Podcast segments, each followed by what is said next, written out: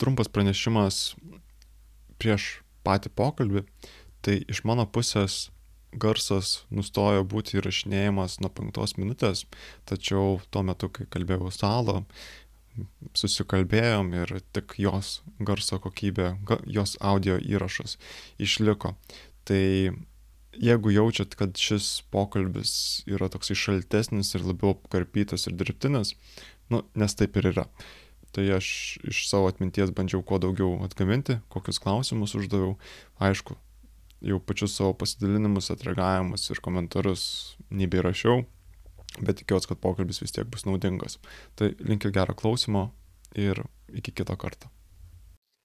Labadiena klausytojai, su jumis sveikinasi Damantis Alčiauskas, šiandien svečiuose yra Ala Guzova, individualaus bei komandinio coachingo specialistė, MetaTeam komandinio coachingo įmonės partnerė, metateam.pro svetainėje galite tai daugiau sužinoti.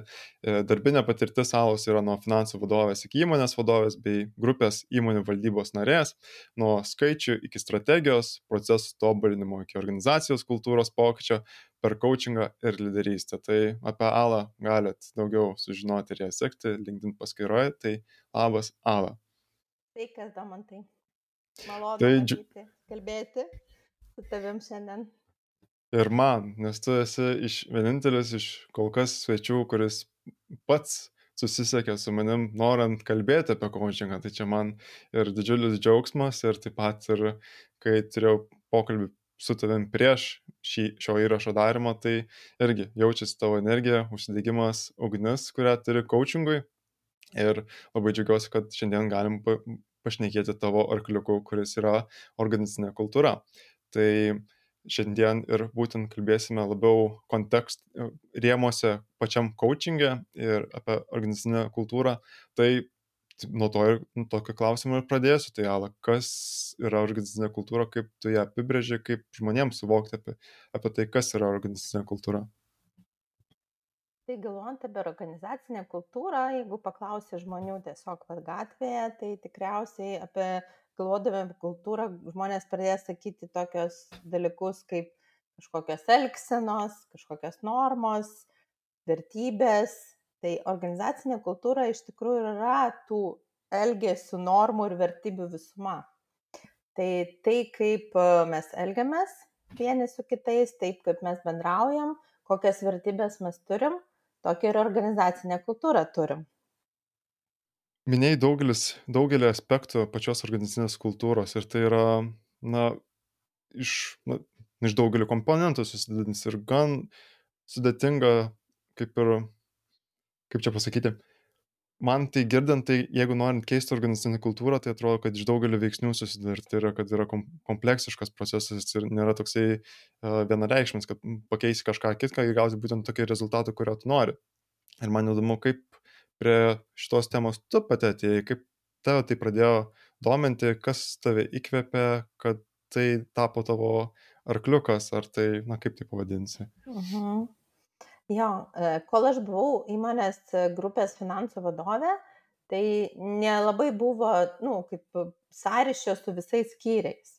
Bet kai 19 metais e, tapau įmonės vadovė, ir pradėjau komunikaciją su visais skyriais, kad pasižiūrėti, kokia ta kultūra, kaip, kaip žmonės bendrauja, nes matydama iš savo skyriaus perspektyvų, aš joje ir kūriau, ne, tą, sakykime, tą elgesį, tas normas, bet nemačiau to viso paveikslo. Ir pamačiau, kad e vyrauja tokie dalykai kaip e, nepalaikymas kolegos, ne, girdėjimas tik save, savęs, ne, atstovėjimas tik savo aš, ne, mano nuomonė yra pagrindinė.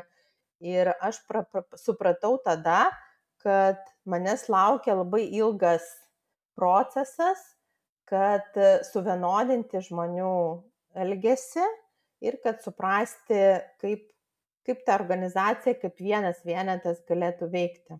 Ja? Tai va, tai aš priejau prie to, kad prie tokio žingsnio pirmo, kad e, auginti e, vidurinės grandies vadovus keliais būdais. Vienas iš jų buvo coachingo sesijos. coachingo pokalbiai, kurių metu e, grininamės e, su, jom, e, ką jos norėtų pasiekti, nes iš tikrųjų e, vadovų komanda norėjo aukti, norėjo kažko pasiekti, tiesiog jų, jie niekada neturėjo galimybės tą daryti. Nebuvo suteiktas sąlygas. Jo, čia noriu pasitikslinti, coachingo sesijas individualiai su vadovais ar bendrai su vadovais? Individualiais ir bendrais. Ir bendrai. Nu, ir atskirai, ir su vadovėm turėjau, ir e, bendrai, su visa komanda. Kad, nu, pagrindinis mano tikslas buvo skatinti jų mąstymą e, ir kad, kad per vadovės tada eiti į skyriaus, nu, į skyrius tada, žodžiu taip. Ir iš tikrųjų tas procesas užtruko, nu, patekau į, į koronas, aišku, laikotarpį, kai buvo sunkiau šiek tiek komunikuoti, bendrauti ir nu, tas, tas 20 metai buvo tokie E, galbūt sudėtingesni, mažiau tų, tų galimybių ir sesijų buvo, bet jau nuo 21 metų jau taip pastoviai pradėjom kalbėtis, kartą per savaitę turėti komandinės sesijas, tada pradėjom darytis mokymo planus, kas galėtų papildyti mūsų e, stiprybės, ne? Nu, kaip, kaip, kaip, kaip žmonės, kaip panaudoti žmonių stiprybės ir kaip e, jo, jie organizacijoje tada galėtų nu, savo stiprybės panaudoti tiem rezultatams siekti. Ne? Tai, va, tai pirmas žingsnis buvo per vadovės. Iš tikrųjų, e, išbandėm pernai su mano kolegomis e, Nerium ir Evelina ir komandinio coachingo sesijas, nu, kaip vadovėm buvo su išorės e, konsultantais, taip, su išorės specialistais, ekspertais tai e, rezultatai buvo tikrai stulbinantis. Aš manau, kad poveikis, proveržis, va, turint tokią 8 valandų sesiją, ne, proveržis buvo didžiulis. Šuolis iš karto į mąstymą, į norą ir taip pat praeitais metais mūsų įmonė atsirado tie one-on-one pokalbiai, ne vienas ant vieno. Tai e, pradėjus tą daryti vadovėm, atsiradus noro dalintis, atsirado pas darbuotoją toks iš pradžių didelis nustebimas, kad su mumis kalba, o po to atsirado toks e, džiaugsmas, kad man skiria laiko. Ir kas įvyko, e, žmonės pradėjo atvirai dalintis, e, vadovai pradėjo atvirai dalintis savo dalykais.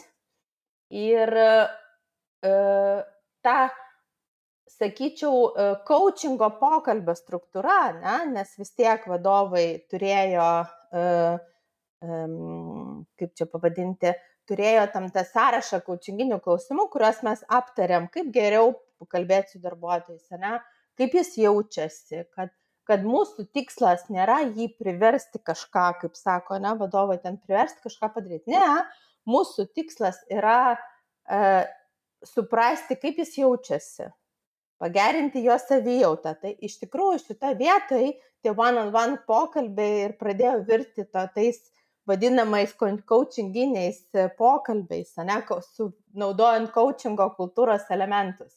Ir tokiu būdu vienas per kitą bendravimo būdu žmonės gavo tą, ko negaudavo anksčiau. Ne? Jie gavo dėmesį, jie gavo galimybę klausti ir klausytis kas mums yra svarbu, jie išgirdo vienas kitą ir tokiu būdu atrodo, kai man aš gavau kažką, tai aš dabar turiu atiduoti. Nu, aš turiu dabar gavau, gavau energijos, gavau palaikymą, gavau pasitikėjimą, tai aš dabar turiu, nu kaip ir turiu jau, net negaliu, jau turiu atiduoti kažką, kad sukurti ir įmoniai kažkokią vertę. Ir va šitie dalykai tikrai padėjo, nes uh, tie 22 metai mūsų organizacijai tai tikrai buvo pakankamai sunkus, nes išėjus po koronas labai nukrito nu, klientų kiekis ir pardavimai ir, ir aišku, dasidėjo didelė dalimi ir, ir ta situacija praeitų metų, nes mūsų pagrindinė buvo sritis darbo Ukraina tuo metu. Tai tiesiog tas petys prie pečio palaik, palaikymas, klausimas ir manau, kad nu, tie, tie coachinginiai pagrindiniai mūsų elementai, ne, kuriuos mes naudojam ir coachingo sesijose, jie padėjo žmonėm pasijausti psichologiškai saugiais, reikalingais ir motivuoti veikti, kas įtakojo padidėjusi norą daryti daugiau darbo metu. Ar gerai suprantu, kad organizacinės kultūros pokytį pradėjo dėkti nuo pačių vadovų? Tai yra ne nuo darbuotojų, bet turint coachingo sesijas su vadovais.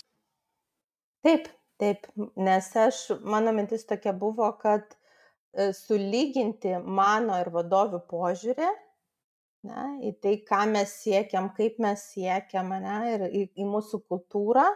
Ir tada, kai mes, aš pajaučiau praeitais metais, kažkur pavasarį, kad mes esam vat, jau tam mane paveiksle ir nėra taip, kad aš sakau žodį ir jisai vidury stalo nukrenta ir nieks nepagauna. Aš pamačiau, kad aš pasakau ir, ir tas nueina iki vieno, antro, trečio, aš gaunu grįžtamą ryšį, kas mums yra labai svarbu, ne, refleksija ir grįžtamas ryšys, kad mes galėtume veikti ir kurti kažkokią bendrą vertę. Tai va, tai ta grįžtamas ryšio irgi kultūra įsi, čia įsigaliojo ir pas mus. Ir tokiu metu tada mes dar ją sustiprinom, turėdami e, tris ar keturias, aš dabar galvoju, keturias e, dienos coachingo sesijas komandinės, kurio metu kalbėjom ir apie komandos vertybės, ne, jau komandos ir apie pokytį, kokį norim pasiekti, kur mes norim būti. Ir e, kas įdomu buvo prieš tai, vat, vat, kas coachingas, ne, tas coachingo sesijos, ką jos davė, prieš tai vadovės nelabai noriai mokėsi. Nu, kaip ir e, aš jaučiau, kad jos girdi, klauso mane, taip mes, mūsų bendravimas pagerėjo, bet nebuvo tokio noro aktyvaus pasigilinti, sužinoti kažką daugiau, ne, to tokio ir vad kas, ka, matyt, vad tos sesijos, tos sustojimo, tos atskiros dienos, laikas nebegimo į priekį, kaip jos vadino, sakydavo pačios ne gaisrų gesinimo, o skirimo laiko savo, sustojimo, pauzių. Tai vad ta pauzė, tokia pamastymo, kas aš organizacijoje, ne, ką aš veikiu, kam aš reikalingas. Tai vad šitie dalykai davė tokį didžiulį impulsą ir proveržį. Ir praktiškai visos pradėjo sakyti, tai gerai, tai ką mes galim šitoj temoj padaryti, ką mes galim šitoj temoj pasimokyti. Ir prasidėjo, vat, paskut metai jau nuo, nu, vat, nuo praeitų metų, aktyvus mokymasis. Lyderystės rytyje randa ten kažką, tai ateina, arba aš pamatau kažką, dalinimasis tą informaciją žiniom, tada ką galim padaryti darbuotojams. Turėjom su darbuotojais keletą labai įdomių mokymų ir apie konfliktus, ir apie kitus dalykus, žodžiu, užsidegė tokia, pavadinčiau, mm, augančios organizacijos kultūra. No, su noru keistis, mokytis ir auginti vieni kitus, kas mane be galo pradžiugino iš tikrųjų, kai ta, tas atsitiko, nes kai tu sakai, va, pasimokom šitą ir sako, ai nėra laiko, tai tada iš karto taip, žinai, atrodo, nu, nu taip jeigu aš noriu mokytis tai aš skiriu tam laiko ane ir po darbo ir kada nu kada kad man pasitobulinti savo kompetencijas. O dabar ne sako ne mes žiūrėsim namie savaitgalį žiūrėsim darysim tik duok galimybę kažką vat jeigu kažkokių įdomių mokymų matei ar kažką pasidalinkim ir mokykimės kartu. Netgi iš vienos vadovės atėjo mm, prašymas ir mes jį įgyvendinom, nes pritarė ir daugiau vadovių padovanoti vadovėm vietoj dovanos kalėdinės knygas organizacija, kuris susikalba, ne? Girdėta turbūt tau knyga šitą. Tai tiesiog, nu, man tai parodo, kad, nu, indėlis ir tas lašiukas po lašiuko, kurios aš dėjau tos du metus prieš tai, jau tos sieklos jos išdygo ir aš jau galiu leisti jom savarankiškai aukti. kaip atrodė coachingo kultūros dėgymo pradžia, kaip atrodė pačios pirmos grupinės coachingo sesijos? Visų pirma, kai aš puikiai atsimenu tą pirmą sesiją ir tą tokį pasimetimą, kad visi dirba, o mes penktadienį susirinkom atskirai ir visą dieną busim, busim atskirai. Ir buvo tokia nuostaba, kad kaip, kaip čia aš galiu sau leisti. Ne? Aš kaip, kaip man atrodo, aš galiu sau leisti. Tai e, kai aš sakiau vadoviam e, dar kartą išgirsti tokį dalyką, mes pradžiai va tą irgi prakalbėjom, kad e, mes kaip vadovai esam tam, kad ne pasinerti į darbus, ne, o skirti daugiau negu pusę savo laiko savo komandos augimui mūsų tikslas toks, kad koncentruotis į žmonės, o tam, kad mes tą galėtume padaryti, mes turėtume nuolatos sustoti, ieškoti sprendimų arba mokytis, arba vat, kaip coachingo sesijos buvo toks, um, galė, nu, aš negaliu palyginti čia su kažkokiu išvažiamąją sesiją ar team buildingu, nes čia yra visiškai apie kitą uh, sferą bet tiesiog pagalvoti, tai kokia mano rolė. Aš esu vadovas, ne, skiriaus vadovas, mm, aš kaip organizacijos vadovas, ne, tarp jų buvau, tai kokia vis dėlto mano yra rolė ir ką aš turiu savo suprasti. Ir aišku, buvo taip, kad, nu, matavomės kaip komandos savo stiprybę, stiprumą, ne, nu, tai pavyzdžiui, ten kas tarp kas sustojo ties penkiais iš dešimt, ne, kas sustojo ties aštuoniais. Tai aš manau, kad čia mm, mes kompleksiškai galbūt perėjom prie kaip ir per įmonės kūrimo procesą, bet viduje, ne, pasižiūrėjom tikslus, pasižiūrėjom strategiją, pasižiūrėjom viziją, misiją, būtent tos komandos mūsų vadovo, ne, ką jinai atneš organizacijai ir va taip kiekvieną kartą žemyn, žemyn, nu, va, nuo, nuo viršaus. Pradžiai pirmą sesiją tikrai atsimenu, buvo pokalbiai tą patį, ką aš tau paminėjau, nu tai kaip mes čia galim, mes čia gaisrus gesinam, mes čia lakstom, mes čia turim tą daryti, tą daryti. Ir tas permastymas ir supratimas, kad aš turiu leisti e, savo deleguoti darbus, ne? aš turiu leisti savo atsikvėpti, turėti tą pauzę. Aš turiu kalbėti su žmonėm, aš turiu klausti jų ir klausytis, ne? bet tam aš turiu turėti laiko, resursų, ne, savo, kad aš galėčiau duoti jam impulsą vat, aukti. Tai, tai vat po tos, aš manau, kad tas coachingo metodika, ne, pati iš savęs, ta mąstymo, partnerystės, mąstymo kelio, netverimo metodika, jinai ir davė žmonėm tokį didžiulį impulsą dirbti su savim viduje. Tai vis dėlto, ką aš čia turiu padaryti? Ir atėjo po to, mes turėjom kas savaitinės sustikimus komandos ir atėjo klausimai, tai gal ten aš nesu stipri kaip lyderė, o gal man reikėtų į finansus pasigilinti, gal aš netaip gerai suprantu, o gal tas, o gal anas, o kaip mes čia darysim. Tai vad po truputį tų klausimų pradėjo didėti, džiaugsmas buvo didžiulis, kad jie atsirado. Nes paprastai ateidavom į susitikimus, aš kažką ten pasakau, nu, va, agen, kaip čia susirinkimo dienotvarkė, ne, ir mes einam per tos punktus ir po to aš klausiu, tai, nu, va, aptarkim, kaip ir tyla.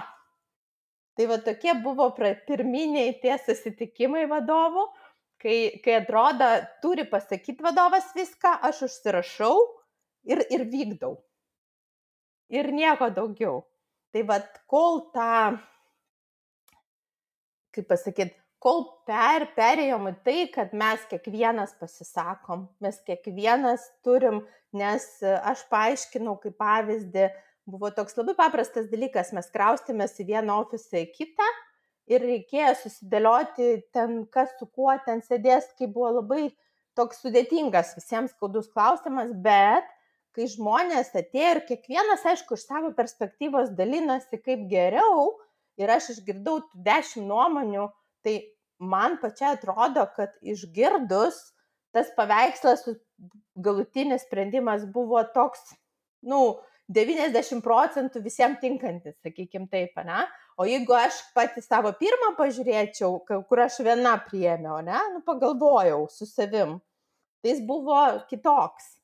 Tai vad, ant kiek gal, e, žmonių e, pasidalinimas nuomonėm, tai gali įtakoti sprendimą. Tai mano tikslas yra toks, kad aš nu, ateidamas su klausimu, iškėlus kažkokią problemą organizaciją ar kažką, aš jį iškeliu, gaunu devynės nuomonės ir tada, kaip sakant, kaip pas mus sako, vadovas kalba paskutinis, nes jo nuomonė gali įtakoti kitų nuomonę. Taip, nu, yra toks kartais, kad aš išgirstu vadovą ir galvoju, gal man kažkaip pakreipti savo nuomonę ar kažkaip, nu, būna tokių dalykų gyvenime. Tai va, ir tada mes sakom, okei, okay, tai, taip išgirdau, taip, ar mes galim apjungti tas nuomonės, ne, kuo, kuo, kas, kame bedrumas yra. Ir dažniausiai būna kokias dvi kryptis, nu, kad, sakykime, va, tą temą, tą, tai tada diskutuojam, okei, okay, ten, sakykime, keturi žmonės į vieną pusę, šeši, mes turim sutarti bendrai, nes tai takoja mūsų organizacijos veiksmą, ne, toliau, nu, į, į, ateis rezultatus.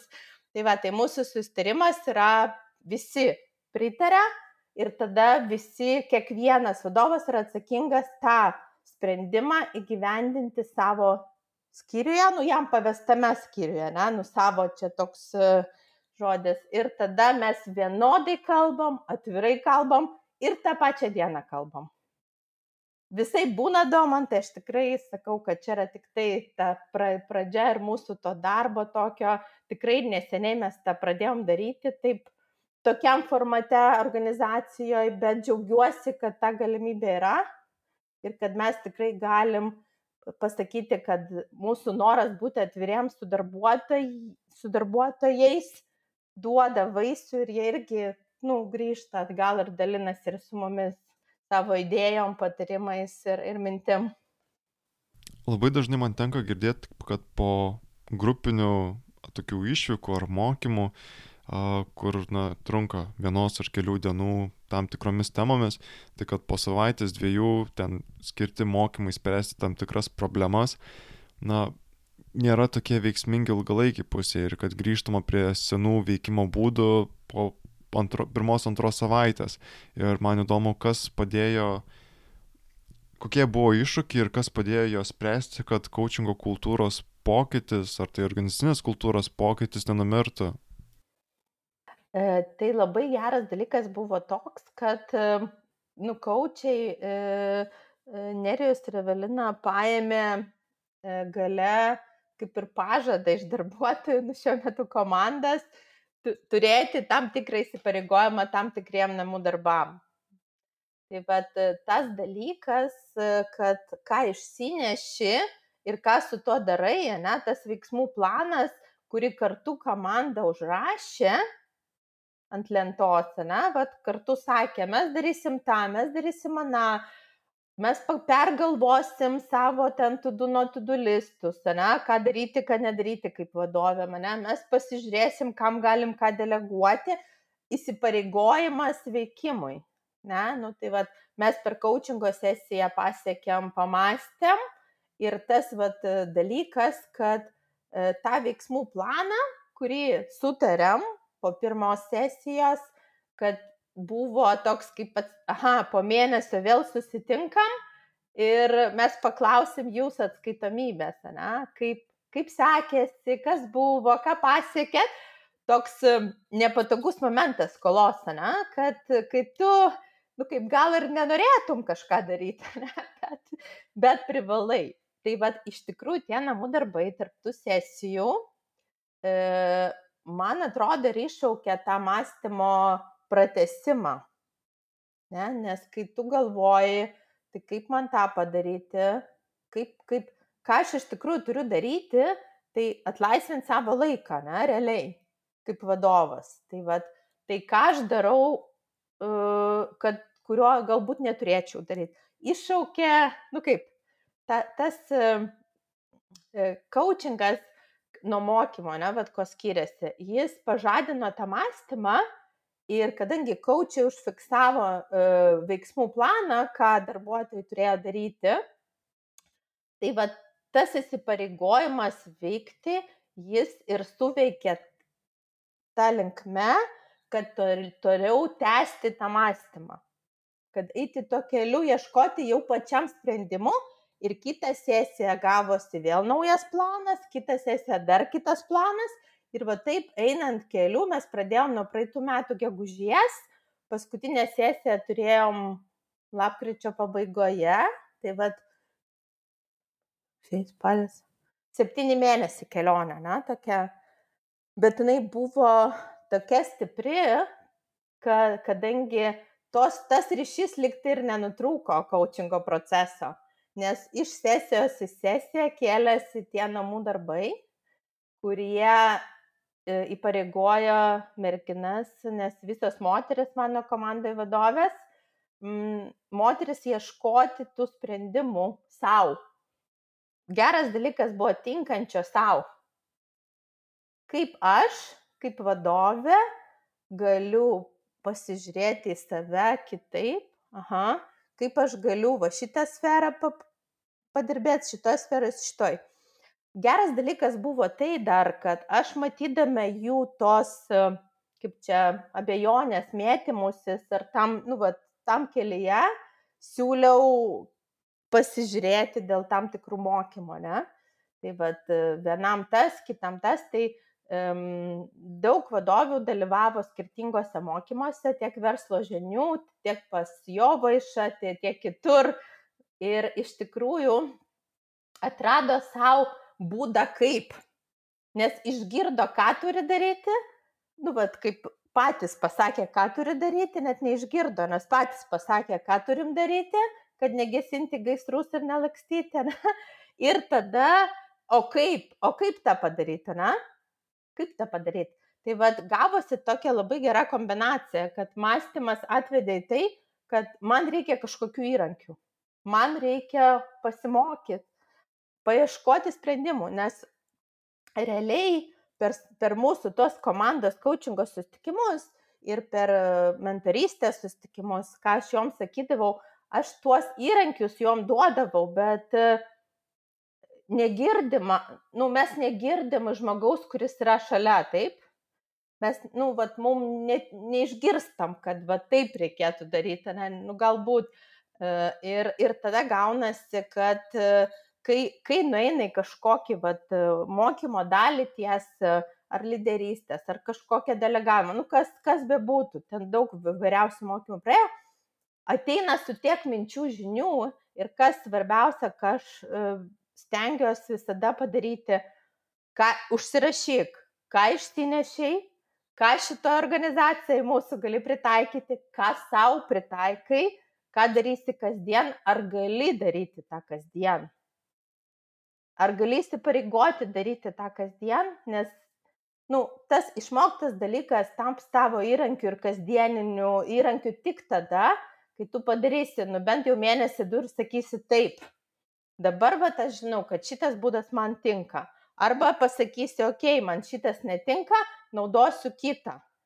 Bet išnaudoti tą nuoseklumą, ne, padaryti ta, tos žingsnius. Tai vat labai klausiu po kiekvienų mokymų grįžusi vieną kartą ir antrą kartą, ką pasiemiai, ką išsinešiai ir ką su to darysi. Tai va tas taip, taip kovo, taip tai buvo e, su iššūkiais e, bendrauja, nu kaip tvarkomas, ne? nes realiai va, dviem būdais. Kiekviena pati su savim mąstė ir išrado būdų savo ir plus papi, kaip papildymas buvo tam tikri mokymai, kad išgirsti, kaip šitoj sferoj e, siūlo tvarkytis dėstytojai, ne, nu ten tie lektoriai. Tai apibendrinant tai, ką išgirdau apie kas leido nenumirti organizacinės kultūros pokyčiam ar bendrai, kuo tai skiriasi nuo mokymų, tai pirmas dalykas, ką smarkiai už, užakcentuosiu, tai yra pažadas, įsipareigojimas, namų darbai, tai po ar tai coachingo komandinių sesijų, ar tai po mokymų, tai aiškiai įsivardinimas, ką konkrečiai darysiu, toksai kaip ir viešas įsipareigojimas ir kolegomis, kad va, po mėnesio, po, po keletų savaičių vėl grįšim ir aptarsim tai, ką uh, įsikėliau savo tikslą ir ką padariau ar ko nepadariau, tai toksai viešas įsipareigojimas leido nenumesti tų pokyčių, to momento inercijos.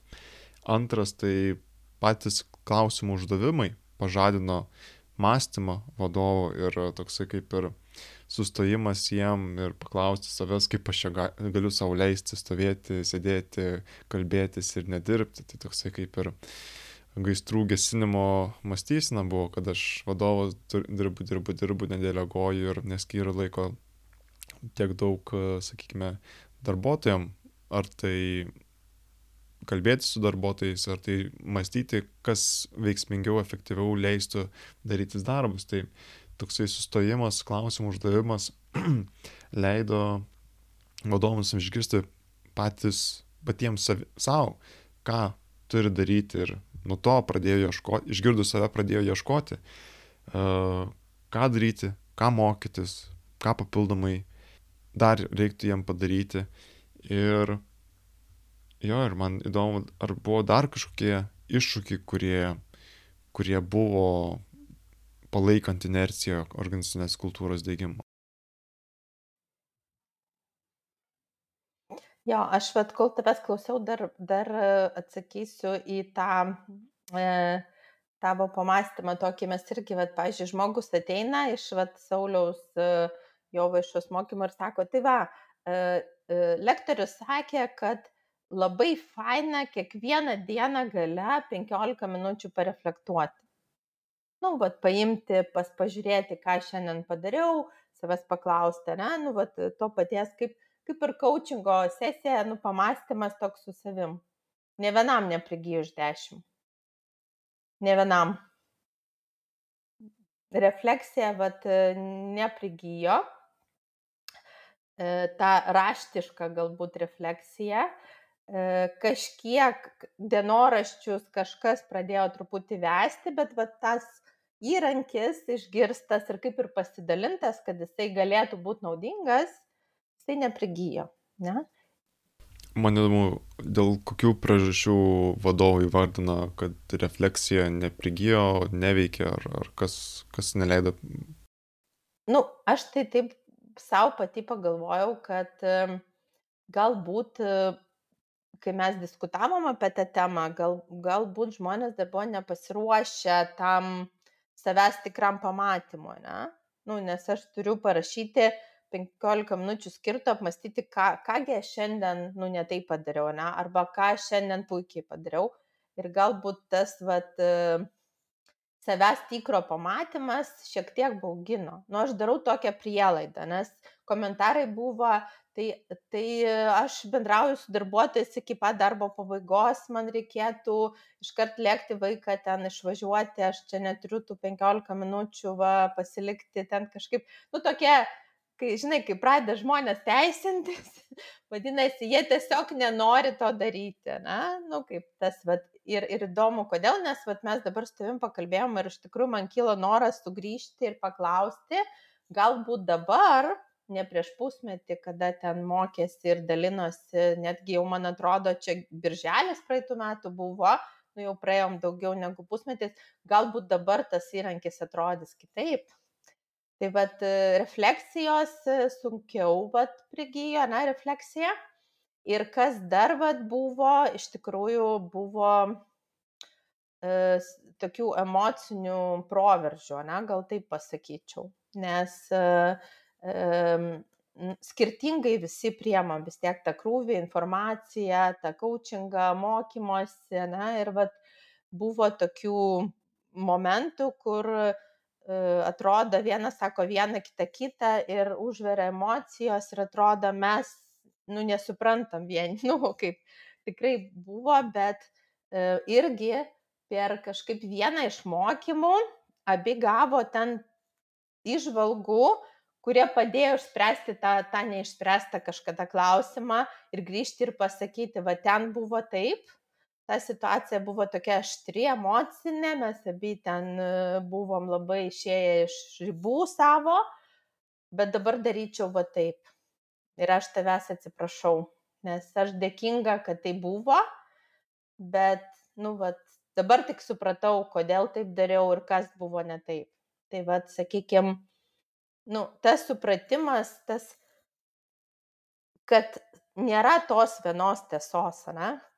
Bet kartais, vad, žmonės, nu, kodėl atrodo, nu, aš taip, taip stengiuosi, taip darau ir čia mano ta tiesa, tai ta tikroji.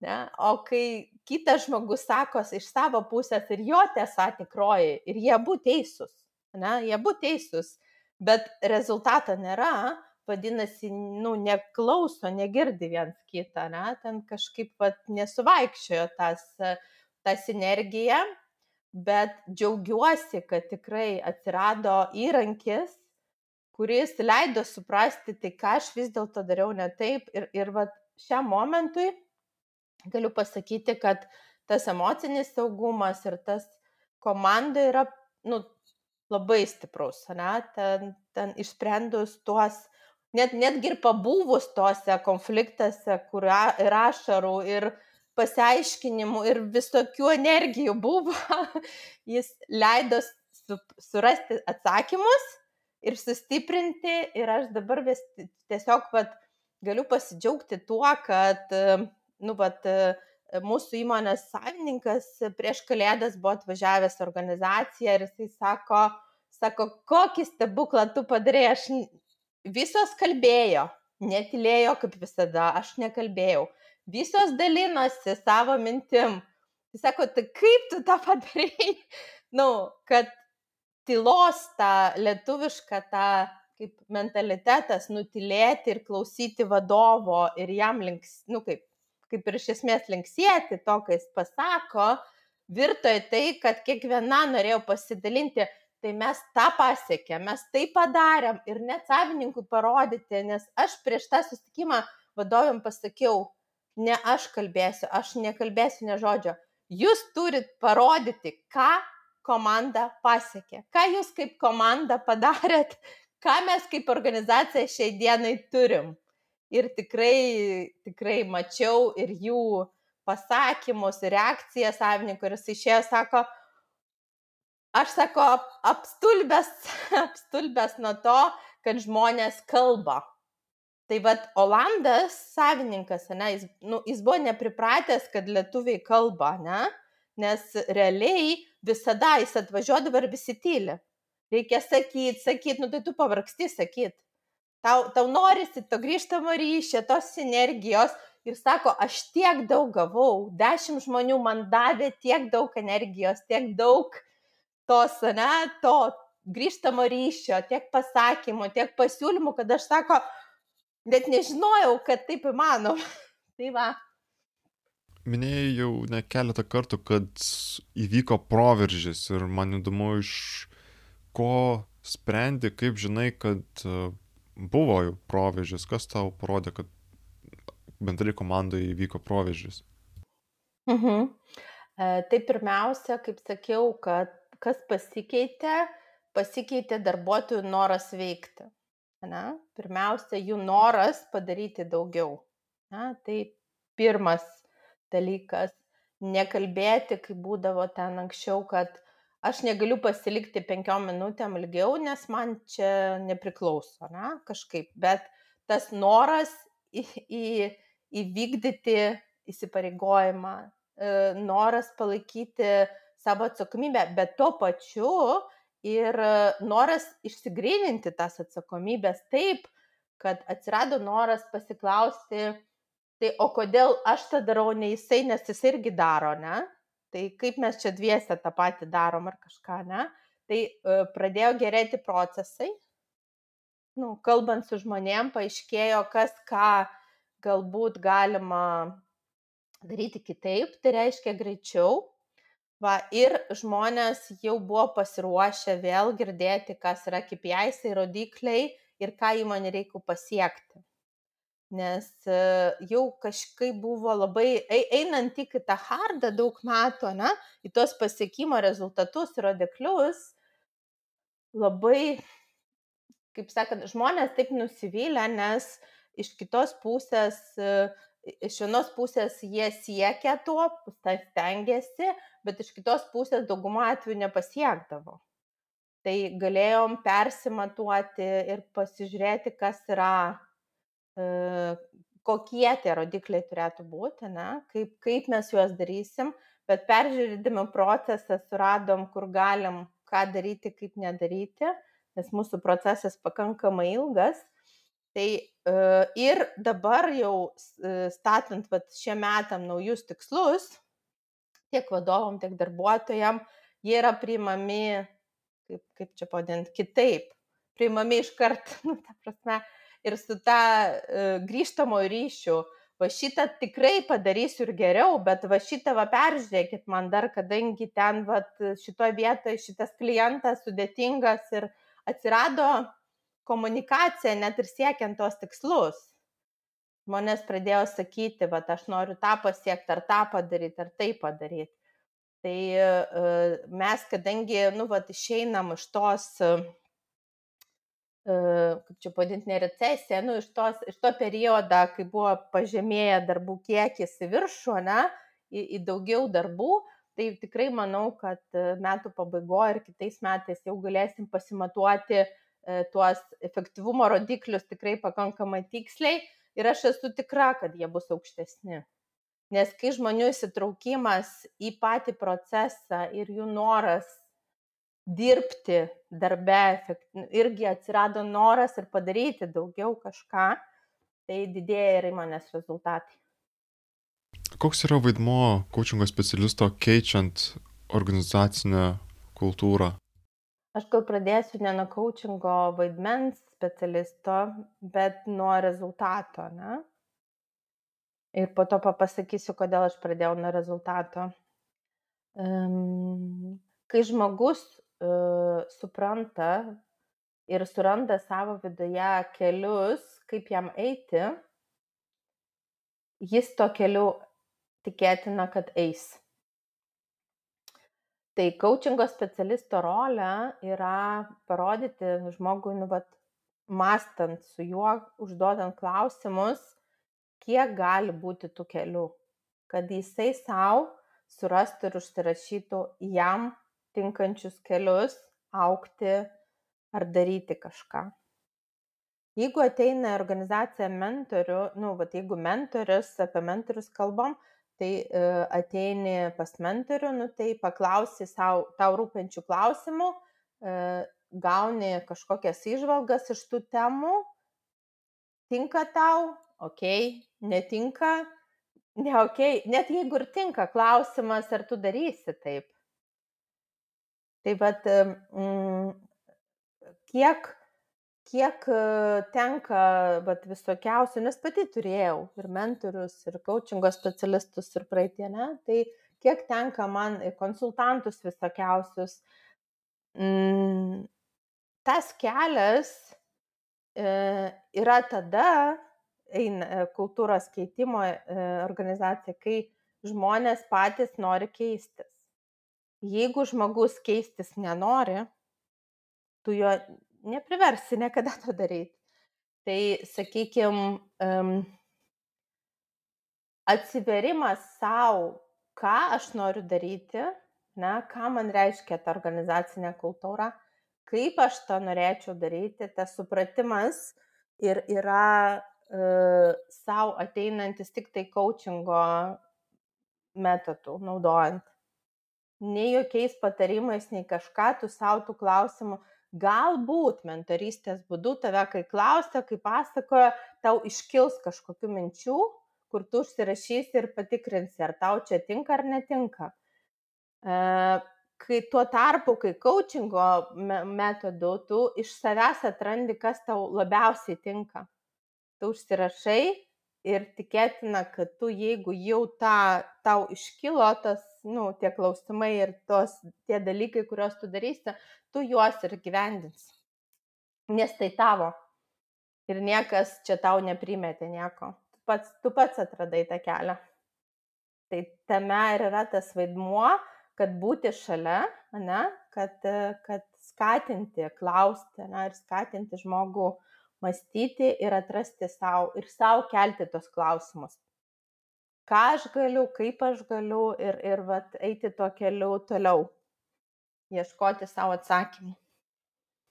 Ar gali paminėti esminius skirtumus e, individualaus ir komandinio coachingo keičiant organizacinę kultūrą? Jo, komandų coachingė, kai yra komandų coachingas, reikėtų nepamiršti, kad tai yra, tu turi objektą ir tai yra tavo klientas yra komanda. Kas yra komanda, tai yra visuma, nu, tie dešimt žmonių, kurie dalyvauja. Ne? Tai reiškia, kad tu gali, aišku, dirbti per, nu, per tam tikrus perkeltinius dalykus, tačiau vaidmuo yra įtraukti visus narius į tuos pokalbius, į dalyvavimą, kad, kad kiekvienas mąstytų ir pasisakytų. Ne? Nes lygiai taip pat kaip individualiam coachingo sesijoje, jeigu komandoje bus penki nariai, kurie kalbės ir penki, kurie nekalbės, tai tie penki gal paauks, o tie penki ne. Galbūt jiem buvo nesmagu pasakyti kažką. Tai, e, tai tokiu atveju, dirbant su komandomis, naudojami tam tikri e, įrankiai, ne, dalykai.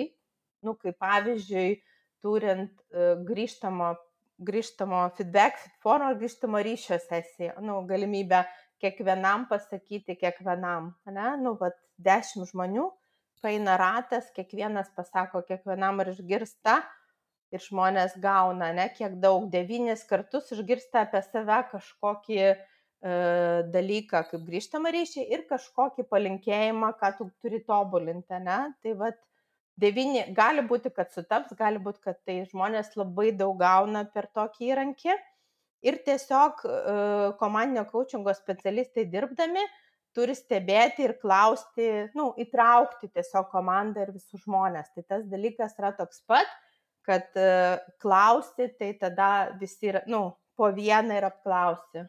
O kaip tau atrodo, o kaip tau atrodo, ne, kaip tu manai, nu, tiesiog įtraukti ir, ir diskutuoti, kad kiekvienas tikrai pamastytų ir pasakytų savo nuomonę. Ir aišku, kai yra kažkokia e, kontraktas, ne, nu, vis tiek komandinė coachingo pradžioje yra tas pats kontraktas. Mes susitarėm, dėl kokio tikslo susirinkom, kad, ką dirbam, koks klausimas svarbiausias ir tada gale, kaip pamatuosi mane, ar pasiekėm, nepasiekėm. Tai vad e, tiesiog ką, ką komandos nariai sako, kad tiesiog tai būtų užfiksuota ir stebėtų. Nes kai vienas žmogus, tai tu atsimeni ir jis atsimena, ką jis šneka, o kai šneka dešimt žmonių, tu neatsiminsi, labai svarbu nepamesti, bet šiek tiek pamoderuoti coachingo vienam iš specialistų, arba jeigu vienas darai, tai tam pačiam, ką komanda sako, ne? ką kiekvienas narys sako, kad po to visi peržiūrėtų ir užfiksuotų pamastytų taip, ką mato, kas iš to, ar tinka viskas ir koks tolimesnis žingsnis. Tai iš principo procesas yra toks pat, kaip ir individualaus coachingo, tik tai šiek tiek daugiau įsitraukimo reikia iš kiekvieno dar nario. Kad tiesiog pasisakytų kiekvienas ir aišku, kaip ir minėjau, ne, vadovas kalba paskutinis tam, kad nu, komandos nariai ramiai jaustis ir galėtų taip atviriau sakyti savo nuomonę. Aš galiu pasidalinti, kokios buvo praktikos naudingos keičiant organizacinę kultūrą? E, man labai padėjo iš tikrųjų e, organizacinės kultūros diagnostika. Tai e, vadovavausi metodiką, kurią sukūrė Cameron ir Quinn ir pagal tą metodologiją vat apie tuos e, mes su tavim kalbėjom pačioj pradžioj ne, kokie, kokie veiksniai atakuoja organizacinę kultūrą, išskiriamos e, keturios organizacinės kultūros tipai. Tai yra klanas, inovacijas, rinka ir hierarchija.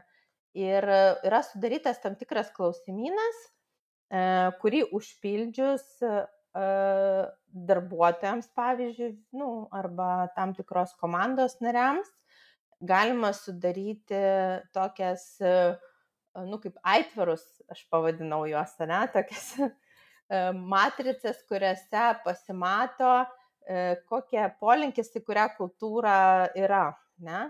Nes jeigu, pavyzdžiui, įmonėje dominuoja hierarchinė kultūra, ne, tai labiau mes orientuoti į tam tikrus dokumentacijas, ne, į tam tikras į tą sferą, tos, tai, tai vien, vieni aspektai, kiti, jeigu ten, sakykime, labai stipriai klanas, ne, į priekį, tai gali būti, kad žmonės nueina tik į santykius, bet nėra rinkos dalies, nėra rezultatų.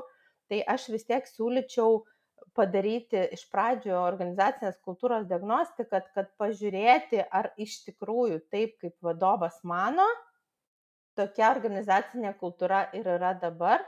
Ir tuo pačiu šitas metodas geras tuo, kad darbuotojai dar įsivertino, kur jie norėtų būti nes pagal antrą kartą užpildę tą patį klausimyną pasižymė atsakymus ir tada galima palyginti, tai kuo jam trūksta, ne? Į kokią kultūrą na, galima būtų orientuotis ir atsižvelgiant į tą metodiką, labai lengva būtų pasižiūrėti, nu kaip pakankamai lengva padaryti išvadas kartu su vadovu, matant tuos rezultatus, tai kokios vis dėlto kultūros nori darbuotojai ir kurios kultūros nori jis pats? Ir tada spręsti, kaip daryti tą pokytį, nu, numatant tam tikrus žingsnius, kurie įtakoja vienos kultūros mažėjimą, o kitos kultūros didėjimą. Tai čia tiesiog yra kompleksinis darbas ir aš tikrai manau, kad darant tą e, planą strateginį pokyčio kultūros reikėtų orientuotis į 2-3 metus. Taip kaip man skamba, kad pačią organizacinę kultūrą labai yra įgalinami patys darbuotojai ir kad e, patys darbuotojai jau žino, ko jie nori ir kur, kur nori judėti. Ir man toksai atrodo iš pačių vadovų kiltų nepatogumas, kad pala, pala, pala, kaip čia, kaip čia darbuotojai gali nuspręsti, kokią čia organizacinę kultūrą jie nori turėti, ir, o ne tai, kokia mums reikalinga yra, kad pasiektume tam tikrus veiklos rodiklius, Ką tu apie tai galvoji? Tai kai mes pamatom, ką nori darbuotojai, iš karto aišku, ko jam trūksta. Tada vadovai, matydami tą e, ir galvodami apie tai, kokios jie kultūros nori, gali nustatyti veiksmus, kaip pereiti iš vienos kultūros į kitą. Per tą vietą, kur darbuotojai nori gauti daugiau dėmesio arba, nu, per, per tą dalyką, ne? Jeigu tu pamatai, kad labai žema klano kultūro darbuotojai pažymėjo klaną, ne, tai vadinasi, kažkas yra su santykiuose, su, su vidurinės grindės vadovais, jie kažko negauna, ne? Tai vad pradėjus gerinti šitą pusę, nu, va tą būtent sferą, automatiškai išsilygina ir pasikeičia visas paveikslas. Tai kodėl reikia, kitaip tariant, kodėl reikėtų pažiūrėti tai, ką galvoja darbuotojai, todėl kad tai parodys, ko jam trūksta. O vadovai numatę kultūrą, į kurią turi eiti, turi palyginti ir pagalvoti, ar, ar mums čia dabar sutampa mūsų norai, o jeigu nesutampa, tai tada suprasti, kad tuo keliu, kokiu jie eis, jie gali nenueiti turi įsivertinti e, žmonių poreikius pirmiausia. Ir žmonės geriausiai žino, kas, e, nu, kaip pasakyti, ką jie turi ir ko jam trūksta. Dėl to jie, nu, ir pasižymė, ne, tuos, tuos dalykus, į kuriuos jie norėtų, kad e, organizacija koncentruotųsi. Tai nebūtinai reiškia, kad mes nepasieksim tos kultūros, kurios nori vadovas. Bet tai reiškia, kad mums reikės eiti aplinkiniu keliu netiesiai, o, o mums reikės praeiti per mišką galbūt ir, ir išeiti į, į autostradą ir po to pasukti dar vieną kelią ir ateiti ten, kur reikia.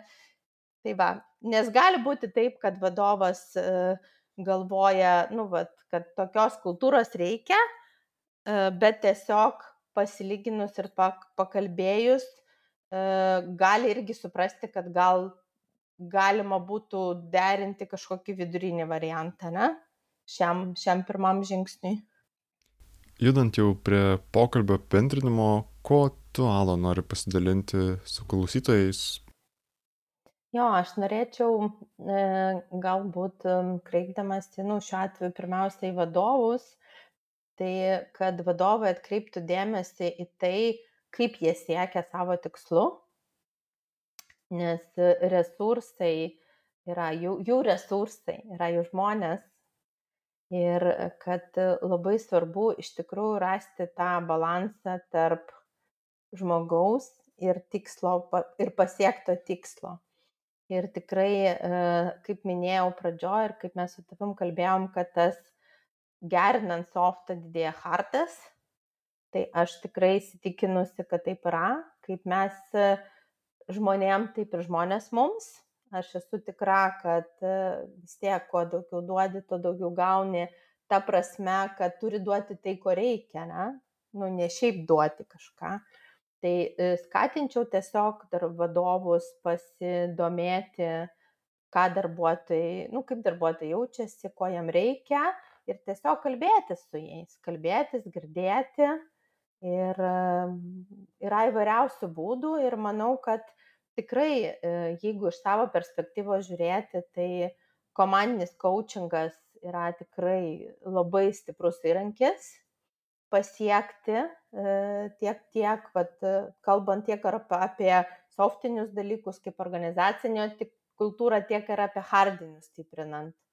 Tai va, tai tikrai siūlau pasigalvoti e, ir pasinaudoti tais įrankiais lygiai taip pat ir e, individualios coachingo sesijos tiek vadovams, tiek jų pavaldiniams tikrai atneš labai labai daug naudos, nes mąstantis darbuotojai tikrai gali atnešti organizacijai daugiau. Tai va, o aš tiesiog e, džiaugiuosi, kad e, esu su tavim šitam pokalbė, džiaugiuosi, kad esu coachingo federacijos narė ir kad mano kelias atvedė mane į coachingą. Tai tiesiog e, dėkoju tau už, už, šią, šią, už šį laiką, kuris skiriai ir gal iki kito karto